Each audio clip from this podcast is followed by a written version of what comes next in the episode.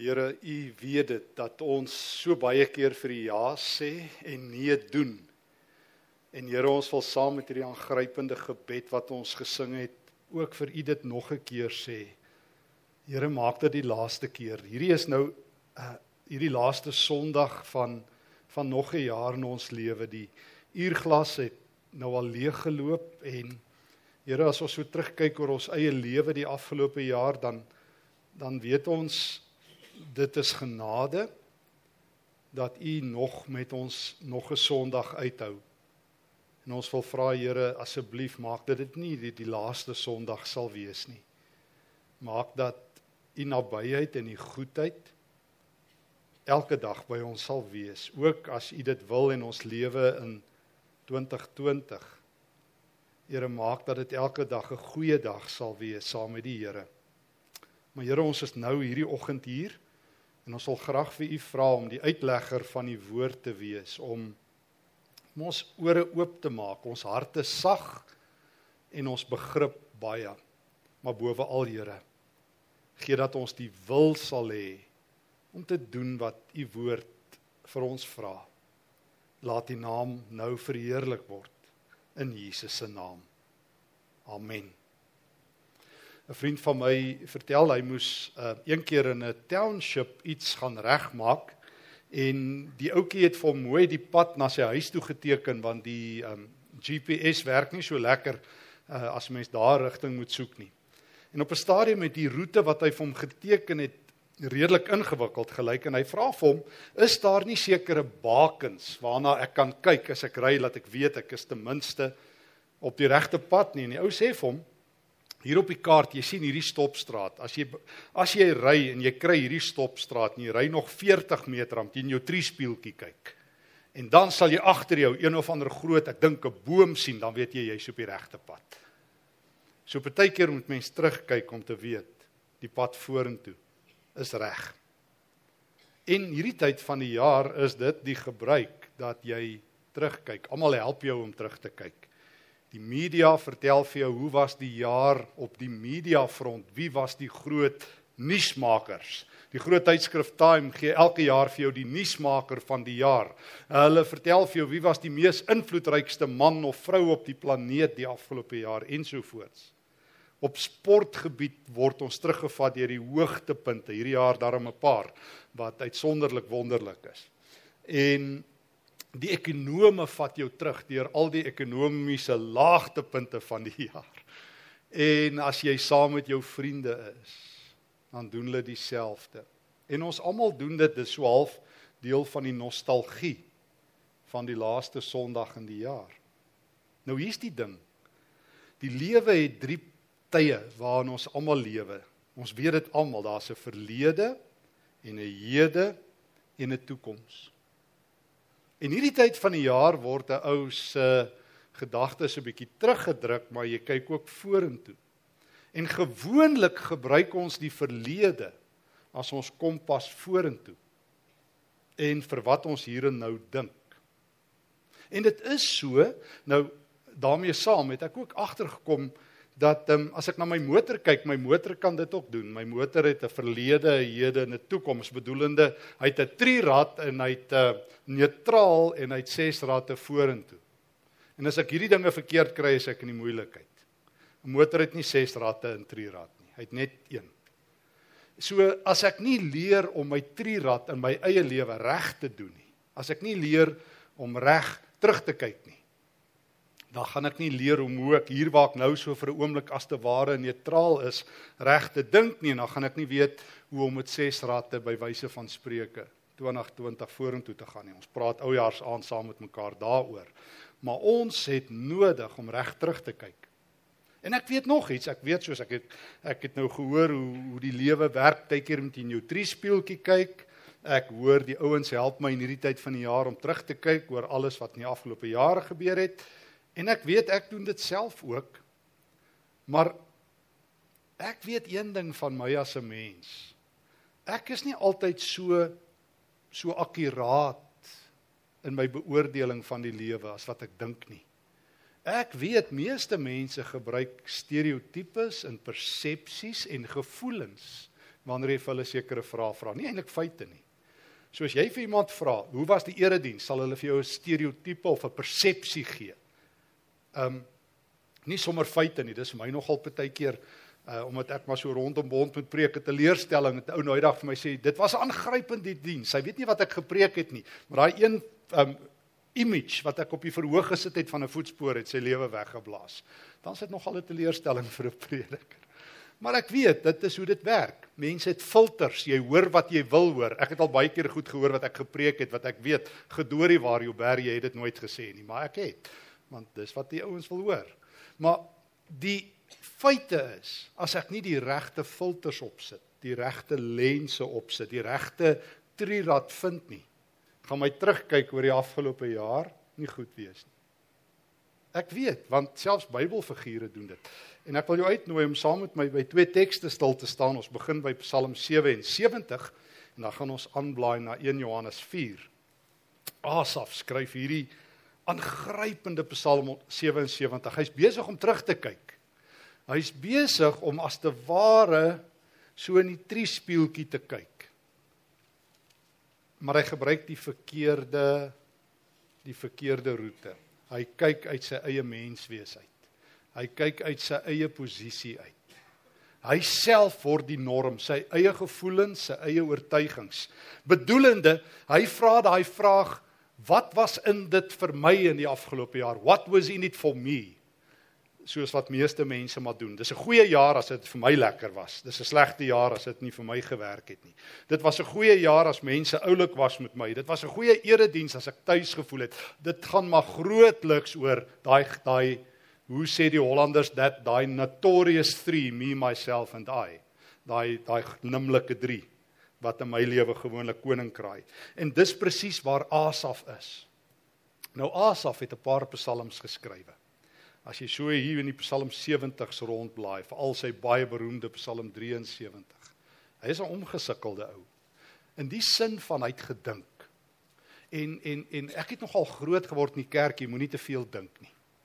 Ek het um, ek onthou toe ek so jong dosent by Tikkies geword het in die teologiese fakulteit het een van die ouer dominees na my toe gekom en gesê hulle het altyd sê broertjie dan weet jy is nie moeilikheid. Sê broertjie, ons sien jy hou daarvan om te dink. Jy hoef nie te bekommer nie, die kerk sal vir jou dink. Ek sê oom, dis hoekom ek vir myself dink. Want ek sien hoe dink hulle. Ehm um, maar lyk vir my mense kan dikwels by 'n kerk instap en jou kop daar laat want die kerk wil eintlik net jou hart hê. Jy moet eintlik net jou hart vir die Here gee. Jou kop kan jy vir jouself hou. So jy kan hom daar by die deur los, vat hom net weer terug en dan gaan jy ongeskonde aan. Maar Asaf was nie so nie. Hy het gedink. En hy het tawwe vrae gevra en een van sy vrae is as hy terugkyk.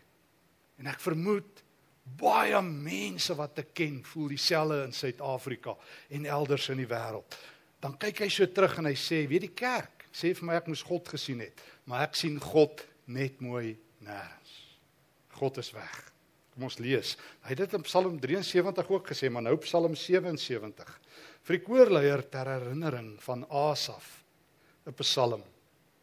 Ek roep na God om hulp. Ek roep na God want hy sal my hoor. In my nood soek ek hulp by die Here.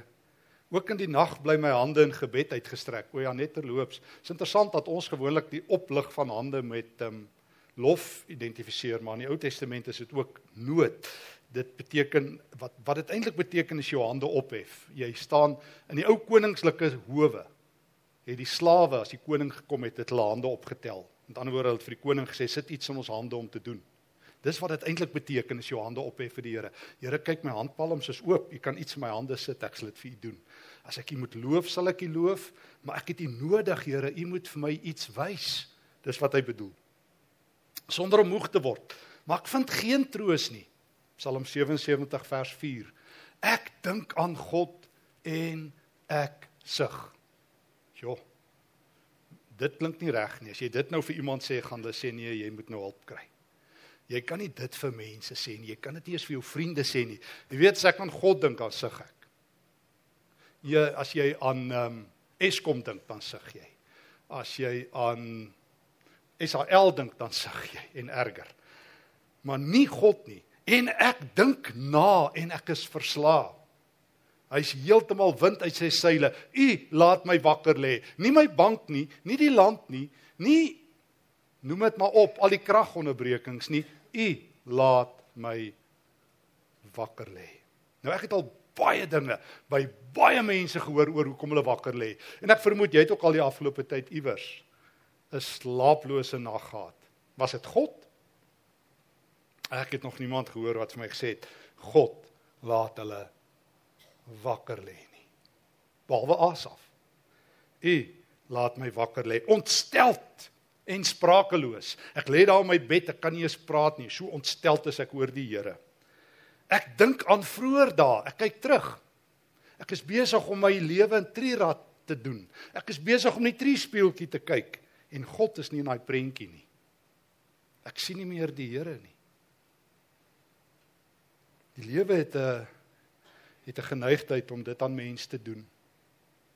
Jesus Jesus self sê dit in Matteus 13 en in Markus 4. Hy sê jy moet een ding van die lewe weet. Sê Jesus, lewe is hard. Partykeer gaan daai saad van die koninkryk wat gesaai word op grond val wat vlak is en wat dorings is. Dit gaan jou geloof steel. Jesus sê dit. Jesus sê in Markus 4, daar gaan ander saad gesaai word in jou lewe wat jou geloof gaan steel as jy nie oppas nie. Die lewe is hard.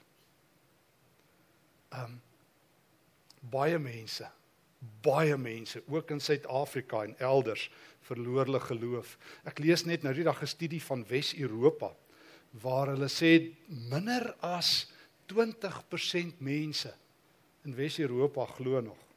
Nuwe studie, nuwe studie ook in Engeland by die Universiteit van Londen bevind by jong mense is geloof so te sê weg. Um minder as 17% mense. Ek het al gesê daar in Holland by die universiteit waar ek ook lank moes werk die afgelope klompie jare. Um is daar nou minder Christene in Holland as wat daar Christene is. Daar's meer ateëste. Een uit elke 4 mense is nou 'n ateïs uitgesproke en so 17% Hollanders glo nog. Ek lees 'n nuwe studie vir iets wat ek moes skrywe in net in die Katolieke kerk, ek dink sal rondom Groningen. Het 'n aartsbiskop gesê daar's 300 kerke, hulle gaan 285 toemaak. Hoe baie is 285 van 300 kerke? As dit my besigheid is, dan sê ek, hulle is nou onder wat doen hulle met SAL? Hulle is nou onder onder noodbestuur. En Asaf is daar, maar hy sê dit. Hy het die guts, die moed hy het die guts om te sê vir God wat hy moet sê en dit selfs in 'n Psalm te sit. En ek dink God wil iets vir ons sê as God gedink het hierdie Psalm moet in die Bybel wees. As ek so in die nag lê en terugdink, dan vra ek, sal die Here vir altyd verstoot? En nooit weer genade betoon nie. Het daar vir altyd 'n einde gekom aan sy trou? Geld sy beloftes dan nie meer nie. Het God vergeet om medelee te hê? Het hy in sy toorn, sy woede bedoelende, sy ontferming onttrek? En ek sê, hier's Asaf se se eenlyner wat hy op Twitter gesit het daai nag. My grootste smart is dat die Allerhoogste nie meer handel soos voorheen nie. God het verander. God gee nie om nie. Wie weet, net dalk is God op pensioen. Wie weet, net dalk het hy gesê sterkte. Soos wat baie van die filosowe sê, God het die wêreld gemaak en hy sê dis so groot gemors, probeer julle maar iets daarmee. Ek kan nie meer nie. Dalk het God opgegee. Dalk dalk as jy klop, is daar 'n boodskap wat sê jy is nommer 3 biljoenste in die lyn. Byt maar vas, eers sal jou boodskap beantwoord word. En dan speel die haleluja koor. En dan wag jy. En dan wag jy en dan wag jy jou lewe om. Gisterand sit ek en my vrou 'n uh, film en kyk oor um, oor Eichmann die um, een nasie wat soveel uh, wat eintlik die argitek was van die wat die Duitsers genoem het the final solution om om om Jode uit te haal. En ek herinner my terwyl ek dit kyk aan een van die Joodse filosowe wat gesê het God het gebreek by die hekke van Auschwitz, hy kon nie ingaan nie. Hy was nie welkom nie, maar dit was ook vir hom te erg en toe het hy maar pad gegee. En daardeur het die filosoof gesê, kan nie eers meer bid nie. God is weg. So voel Asaf, so voel baie mense. Ek hoor baie ouens wat een storie vertel in die kerk en een lied sing maar as hulle met hulle kinders praat en met hulle vriende praat, praat hulle 'n ander storie. Hulle sê nee, die Here sal ons help, die Here sal ons help, maar as hulle met hulle kinders praat, sê hulle pak jou goed en trek Ferreira vinnig. Want hier's nie hoop nie. Maar jy sit in die kerk en jy sing en dan praat jy 'n ander storie. En ek sê nie jy mag nie dink oor die toekoms nie. Maar maar as jy as jy nie die regte en dis die punt van vanoggend se boodskap, as jy nie die regte triespeeltjie het nie, gaan jy net sien wat jy wil sien. En tot nou toe is Asaf in die moeilikheid want as jy jouself gebruik en jou eie beginsels gebruik en na die soos ek altyd sê die manne met die kanne in die hande luister daar rondom die braaivleisvure wat jy weer oujaarsaand gaan raakloop iewers. As hulle jou norm is of die ou wat in die koerant skryf jou enigste norm is of die televisiekommentator of jou vriende of Facebook jou norm word of professor Google jou grootste professor is is jy in moeilikheid gaan 2019 goor wees en dan gaan jy ook nie ses ratte vorentoe hê vir 2020 nie. Dan gaan jy sprakeloos en ontsteld in die nag lê. Dan gaan jy hooploos en hopeloos wees. Dan gaan jy nie sien waar God is nie. En daarom, daarom as Asaf op sy laagste punt is en sê Here, my verlede is so sleg, ek sien nie nêrens nie, my hede is neutraal ek het my my lewe uit net my my lewe se ratte uitgehaal. Ek ek hang maar hier rond. Alles lyk sleg. En dan kom maar 'n wending in die Psalm vers 12. God dank. En dis wat ek dink God vir ons wil sê. Tot by vers 11 hooploos.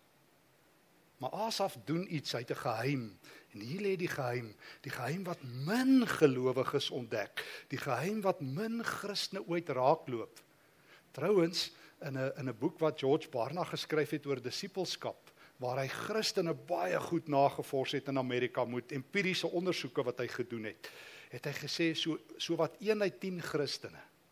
Dis vir my 'n skokkende boek gewees. So 1 uit 10 Christene kry dit reg om God raak te sien en om 'n sinvolle geloofslewe te hê. En hier lê 'n sleutel by Asaf. Ek wil nadink. Hy sê ek wil dink Dis die belangrike. Ek wil dink. Het jy gehoor? Ek wil dink oor God.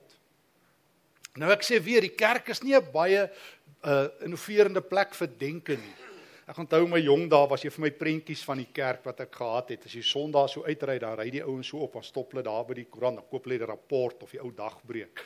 My oupa het hom nog daar bo op sy yskas gesit. Hy sê wat jy oortree die Sabbat as jy hom Sondag lees, Maandagoggend lees jy hom.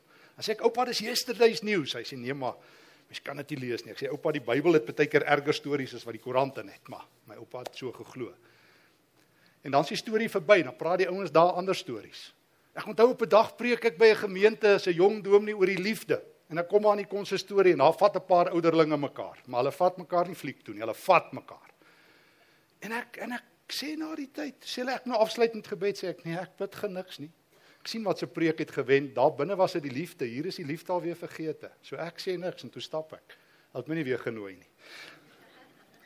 Maar geliefdes, dis die realiteite. Dat ons praat God praatjies en mooi praatjies. Maar kyk in die triespieeltjie en ek het my triespieeltjie en ek sien wat ek wil sien. Ek kyk uit my lewe uit. En ek besluit waar sien ek die Here en ek besluit wanneer dit goed gaan. En nou kom God en hy sê, "Kan ek jou jou jou jou lense verander?" Kan ek jou help om deur my oë te kyk? Kan ek jou help om te sien wat jy moet sien? Want jy's blind. Jy moet reg terugkyk en as die Here wil op die 31ste jy moet reg vorentoe kyk. Gaan ons daaroor met mekaar gesels. En jy moet dink. Jy moet dink oor jou geloof. Jy moet dink wat jy sien en dan moet jy reg kyk. Ek wil dink aan u dade. Ek wil dink aan die wonderdade van vroeër. Vers 13: Ek wil nadink oor al die werk en oor u dade pyns, want die wêreld gaan jou nie help om oor God te dink nie. Die kerk gaan jou nie eens baie keer help nie. Gedoorie waar ek moes myself leer dink, genadiglik het die Heilige Gees gehelp. Kerk het my nie gehelp nie. Meen die beste Bybelstudies was ehm uh, was daar drie wyse manne ja of nee? Dit was omtrent die Bybelstudies wat ons gedoen het. Ehm um, Maar maar wanneer jy begin dink oor die Here, wanneer God in jou lewe is en jy begin dink oor die Here. En jy begin in jou triespieeltjie kyk, Here, waar het ek u gesien of nie gesien nie? En nou begin hy ewe skielik sit 'n totaal ander musiek, ander toonaard. Vers 14. Alles wat u doen is heilig oor God. Ewe skielik sien ek God raak. En nie meer ou nikkerige omgesukkelde ou Asaf en al die moeilike mense wat al die foute ken en al die ou klaagkouse wat altyd net weet wat verkeerd is nie. Here, ek sien u. Dis die geheim. Om God te sien terwyl almal moeilikheid sien. En wees gewaarsku. Hoor nou, hierdie is 'n minderheidsposisie. Jy gaan alleen wees as jy so kyk. Baie alleen. Ook in die kerk.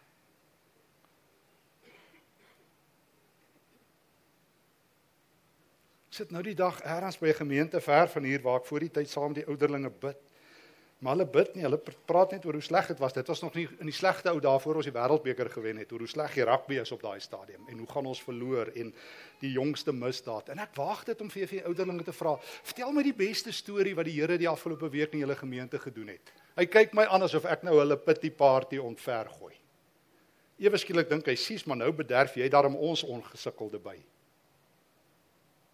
Soos 'n ou eendag vir my na kerkdiens gesê het, jy weet ek het al 40 jaar gewerk om so 'n slegte persoonlikheid te hê. Nou wil jy ek moet dit in een oomblik verander. Sê nee, ek wil dit nie hê nie, God wil. God wil, hy wil vir jou nuwe lense gee. Hy wil hê jy moet die Here kan raak sien. Maar as die kerkleiers nie meer een ding kan sien wat die Here doen in hulle midde nie. As jy nie meer een ding kan sien wat die Here die afgelope jare gedoen het nie, dan wil ek vir jou sê jy is die blindste van alle mense. Dan wil ek vir jou in die naam van die Here sê, Wee jou as jy nie nuwe lense kry nie. Wee jou as jy saam met Asaf vasgevang is in die rad tot by vers 11. Dat jy in die nagte wakker lê in jou doodstres, wee jou want God is ook in die prentjie as jy sê ek glo. Alles wat jy doen is heilig o God.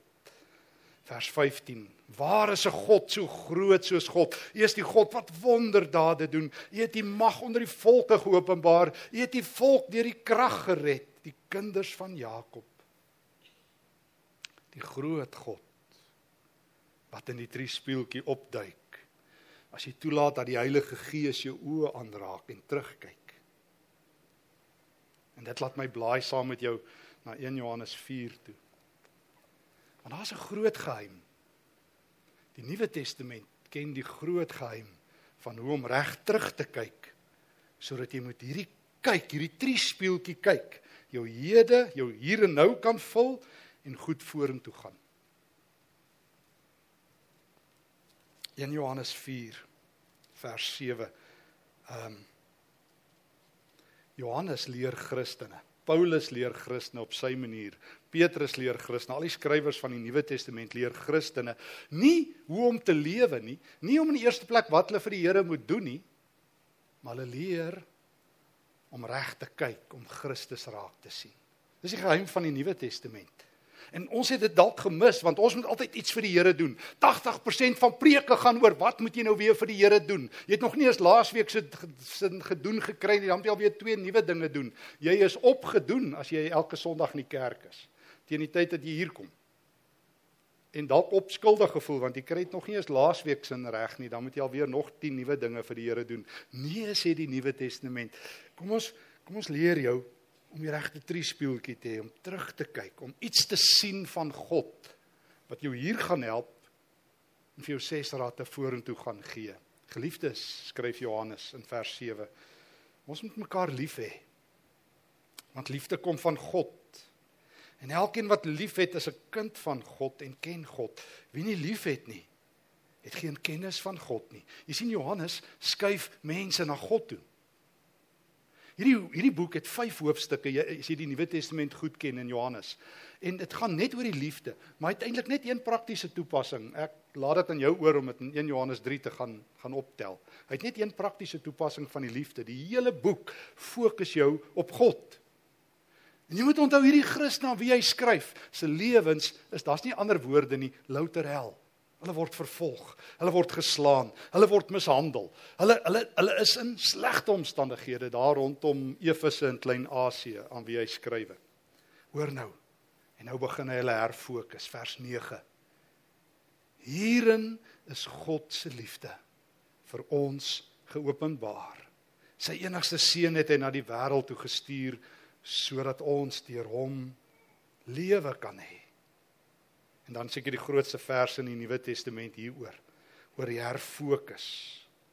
Werklike liefde is dit, nie die liefde wat ons vir God het nie, maar die liefde wat hy in ons bewys het deur sy seun te stuur as 'n verzoening vir al ons sondes. O, kyk in jou triespieeltjie en sien die kruis. Dis wat Johannes sê. En as jy nie die kruis in jou lewe sien nie, is jy blind. En as jy waar Asaf is in die eerste 11 verse, en as jy is, dan is jy waar die meeste mense in Suid-Afrika en in die wêreld is, maar in 'n hooplose gechommel. Dan sien jy maar wat vir jou lekker is en jy gaan nou maar net aan en hoop dit sal so bly. Maar Johannes sien 'n kruis as hy terugkyk. O, hy sien 'n kruis as hy vorentoe kyk ook. Hy sien 'n kruis reg rondom hom, maar hy sien agter hom die skaduwee van die kruis wat oor sy lewe val en die lig. God se liefde het 'n houtkruis. God se liefde het 'n naam en 'n adres, Golgotha en Jesus. En dit is in 2019 jou enigste hoop, jou enigste plek waar jy pelgrimsrus kan hê. Pelgrimsreis, maar pelgrims moet ook rus. En die enigste rusplek vir 'n pelgrim is die kruis. Die enigste identiteitsmerker vir 'n Christen is die kruis. Ek het nou nou vertel van van van Adolf Eichmann en die ouens uh die filosowe wat in die Tweede Wêreldoorlog uh beleef het God is weg. Maar ek onthou elke keer die verhaal van van 'n van 'n Christen, iemand wat 'n Christen geword het in Auschwitz. En na die oorlog sê iemand vir hierdie persoon ek kan nie glo nie want ek was in Auschwitz. God is afwesig nie die persoon sê ek kan glo. Want ek was nie net in Auschwitz nie, ek was ook by Golgotha. By Golgotha het daar iets gebeur. Ek was daar saam met die man aan die kruis langs Jesus wat net gevra het Here een gedagte. En toe die man aan die kruis gesê vandag sal jy saam met my in die paradys wees.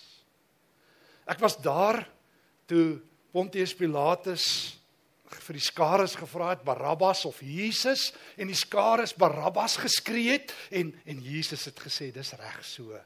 Ek sal plek ruil met 'n moordenaar met Barabbas. Ek was daar by die kruis toe Jesus ook gevra het Stefan, kan ek met jou plek ruil? Kan ek met jou plek ruil? Kan ek een keer jou plek vat? Want die plek wat die lewe jou sal gee is so sleg, so hopeloos dat jy waaragtig geen hoop sal hê nie as jy nie my kruis sien nie.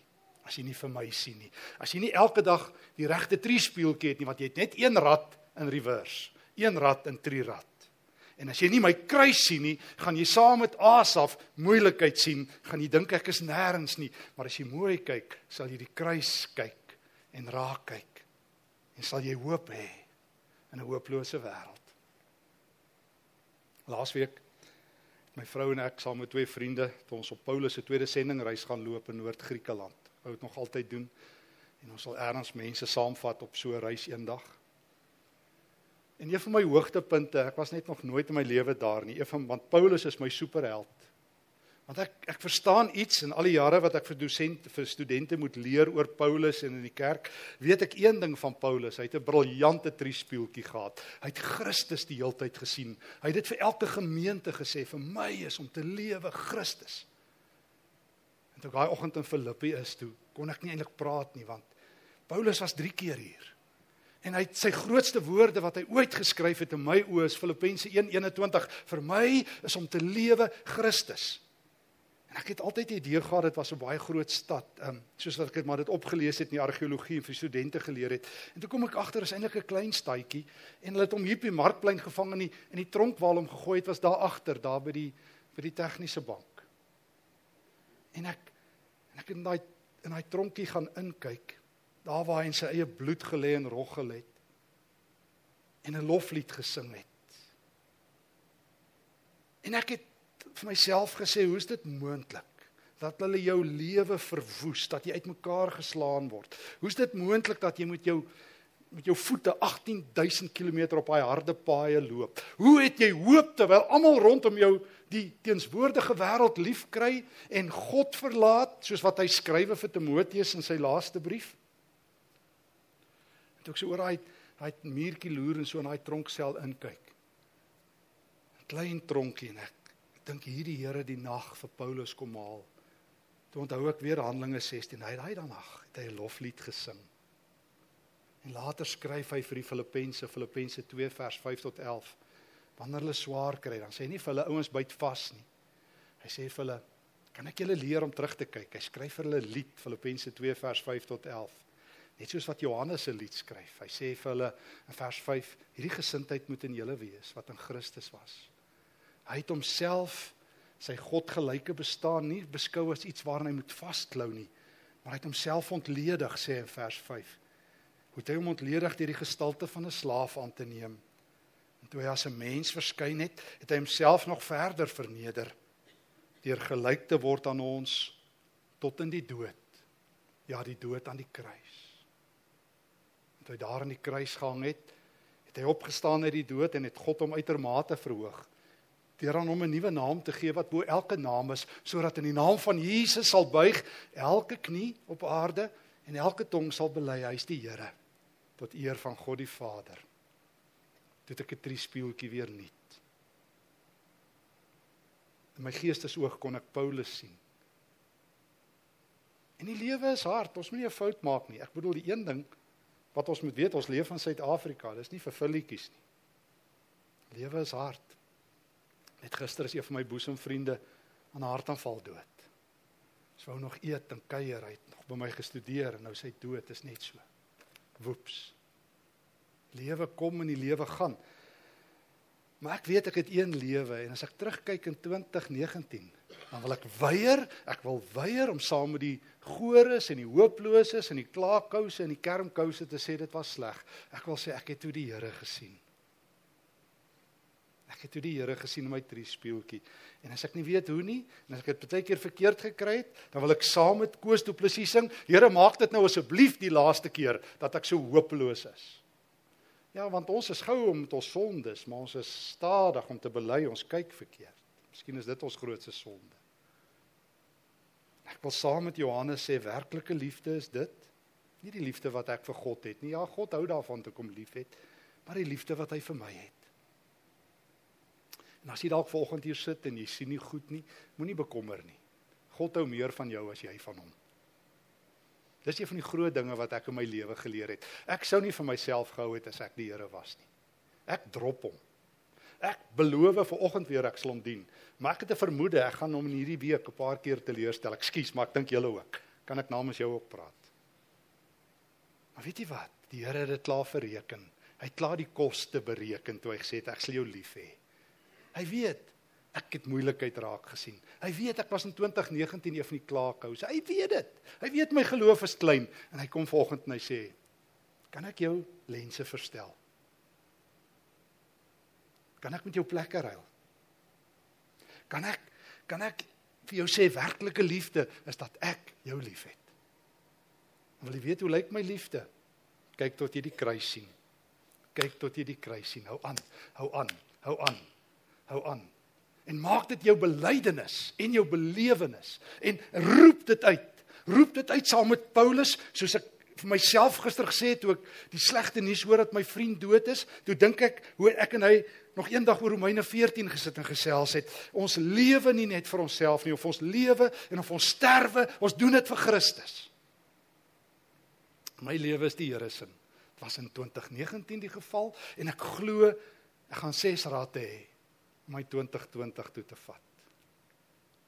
Ek gaan in hierdie week dalk nog tot tot op die 31ste baie terugkyke doen, familie en vriende en die media en die televisie en almal gaan jou laat terugkyk. En dalk gaan jou eie lewe jou dwing want dalk was dit 'n tawwe jaar vir jou.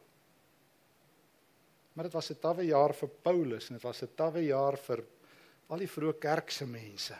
En vir Johannes dan sê hy geliefdes, kan ek 'n geheim met julle deel? Ware liefde is die liefde wat God vir ons het. Ware liefde is as die kruis in jou lewe skitter. Ware liefde is wanneer jy die Here sien wanneer almal moeilikheid sien. Wanneer jy in die geloof sê vir my is om te lewe Christus. Kyk terug. Ja, sien wat gebeur het. Maar moet asseblief nie sprakeloos en ontsteld wakker lê nie. Moet asseblief nie hoop verloor nie, want God sê dink anderster. Dis wanneer jy anderster sien, wanneer jy anderster begin dink. Kry nuwe oë. Wat hy doen is groot, sê Asaf toe hy reg begin kyk. Toe hy in een aand besluit, basta, dis nonsens, ek sal nie hierdie lewe leef nie. Gaan nie saam met die res afdraande nie. Gaan die Here sien. Saam met Paulus wil ek uitroep, vir my is om te lewe Christus. Saam met Johannes wil ek sê, werklike liefde is die liefde wat God aan ons bewys het dat hy sy seun vir ons gegee het. Ek wil die kruis sien. En ek wil die kruis gebruik as die lig agtertoe en die lig vorentoe. Wil jy dit nie saam met my doen nie in Jesus se naam. Amen. Here, dankie vir die woord. Dankie dat u woord die lig is op ons pad, die lamp is vir ons voet. Dankie dat u vir ons kan laat oorbegin en voorbegin. En dankie Here dat dat Here as ek terugkyk in die triespieeltjie en dat As ek sien wat almal wil hê ek moet sien, die afgelope jaar se hoogtepunte en laagtepunte. Dankie dat U wil hê ek moenie net daar my teen blind staar nie. Ja, dankie Here vir al die hoogtepunte. Dankie dat dat U my gered het partykeer uit doodsgevaar. Dankie Here dat U wonderwerke gedoen het. Dankie dat U my opgetel het toe ek geval het. Dankie dat U ons land partykeer op die rand van die afgrond teruggedruk het. Dankie dat U reën gegee het op baie plekke toe toe dit skrikwekkend droog was. En dankie dat U ook hoor waar mense roep na U. Maar boweal, boweal. Dankie vir die kruis. Dankie vir die kruis. Here Jesus, dis wie ek is, 'n gekruisigde, 'n navolger van Jesus. Dankie Here dat ek in die triespieeltjie nie net die realiteit kan sien nie, maar die realiteit van die hemel. Geen nou. Geen nou asseblief Here dat ek hier en nou nie maar net in in in in neutraal sal sal rondhuiwer nie.